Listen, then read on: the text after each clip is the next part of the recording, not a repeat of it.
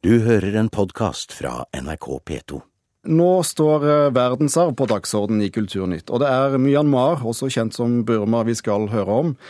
For regjeringen i dette tidligere militærdiktaturet har bedt Norge om hjelp til å få kulturen tilhørende de 100 000 innbyggerne i området rundt eh, Indlesjøen på verdensarvlisten.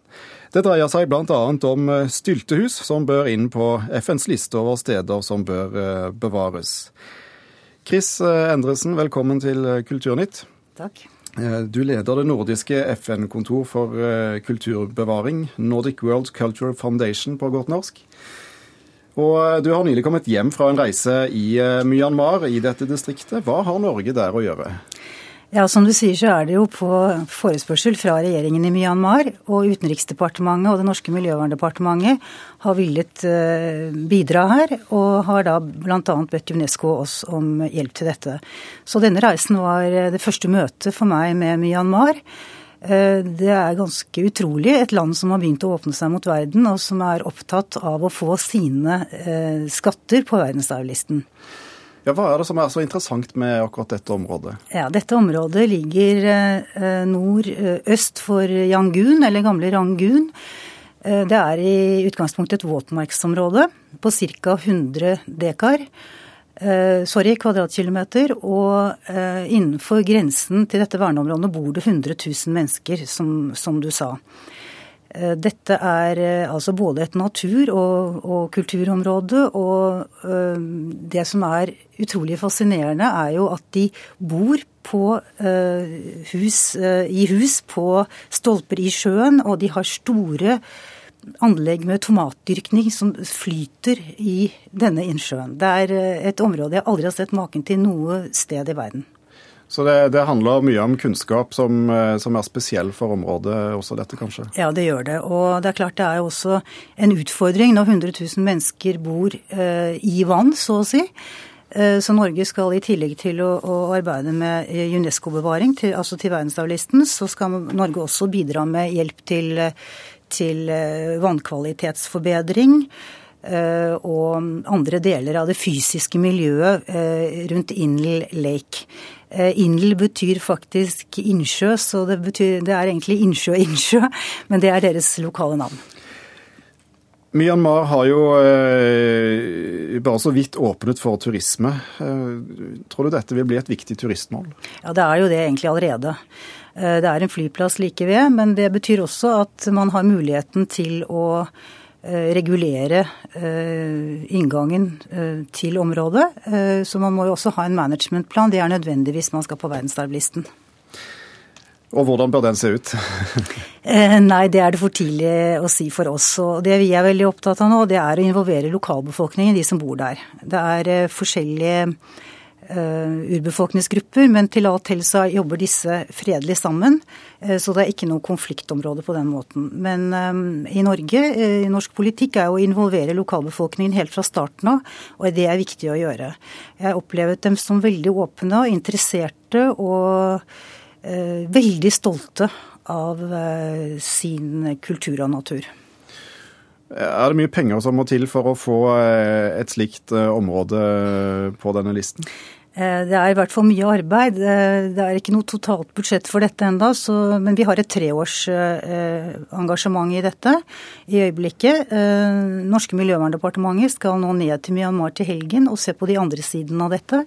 Så hva det blir totalt, det vet vi ikke enda. Men vi opplever i hvert fall at regjeringen i Myanmar ser på Norge som en trofast og langsiktig samarbeidspartner.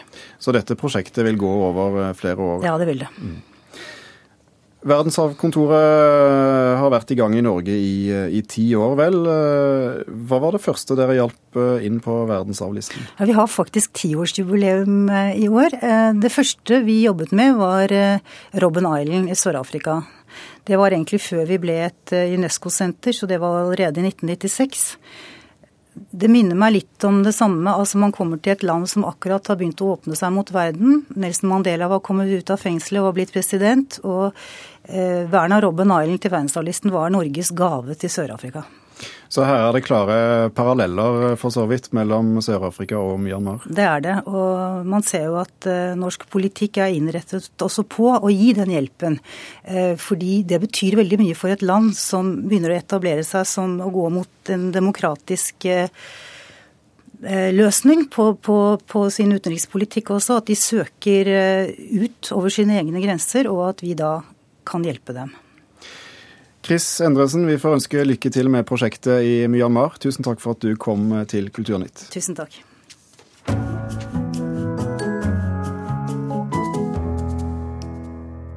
I helgen åpnet en utstilling på Moderna museet i Stockholm som presenterer den verdensberømte sveitsiske arkitekten Le Corbusier. Mange er nok kjent med Le Corbusier, men eh, likevel Mona Palle Bjerke, kunstkritiker her i Kulturnytt. For lyttere som ikke er kjent med ham, kort, hvem er han? Le Corbusier er jo helt utvilsomt det største navnet i den moderne arkitekturs historie.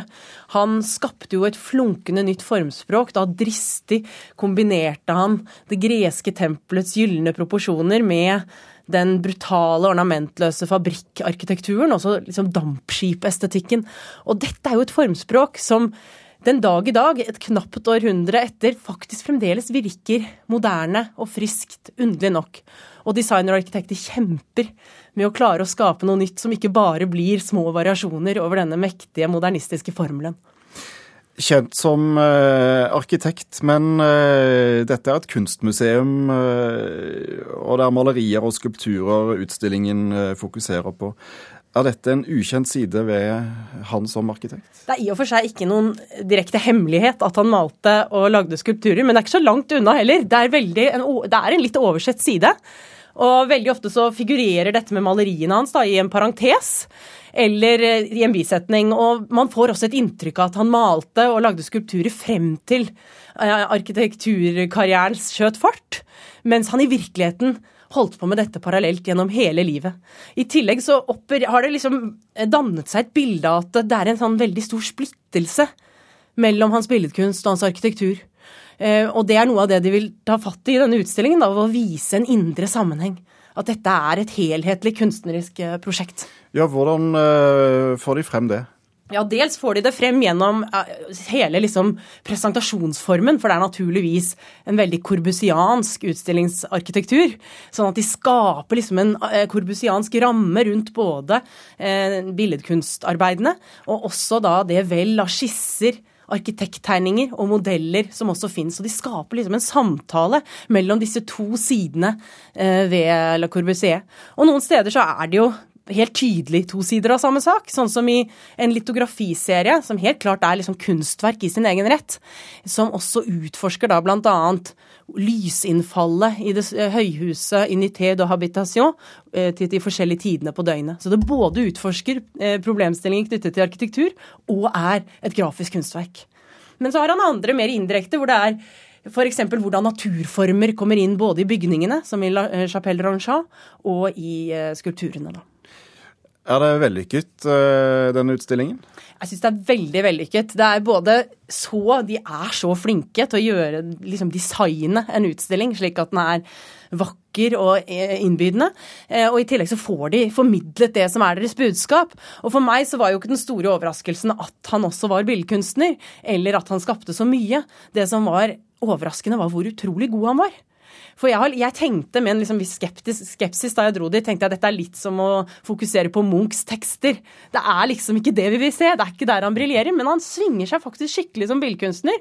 Og jeg vil jo ikke påstå at vi nå skal begynne å si sammenligne hans betydning som billedkunstner med hans betydning som arkitekt. For det er som arkitekt han er eneren i det 20. århundret. Men jeg syns den skal få større plass, og det bidrar denne utstillingen til. Og derfor er det betimelig og en veldig berikende utstilling. Kan vi oppdage nye sider ved arkitekten eh, ved å se, se på kunsten han har laget? Det syns jeg faktisk. At den billedkunsten gir, liksom kaster et litt nytt lys på eh, arkitekturen. Og vi blir var det at det er ikke så hardt og maskinelt som det er skapt liksom et bilde av, selv om det også har det, disse kvalitetene. Det har noe mer dynamisk, en større mykhet som billedkunsten uh, får frem. da. Ja, kunstkritiker Mona Palle Bjerke, tusen takk for at du innviet oss i kunsten til den sveitsiske arkitekten Le Corbusier.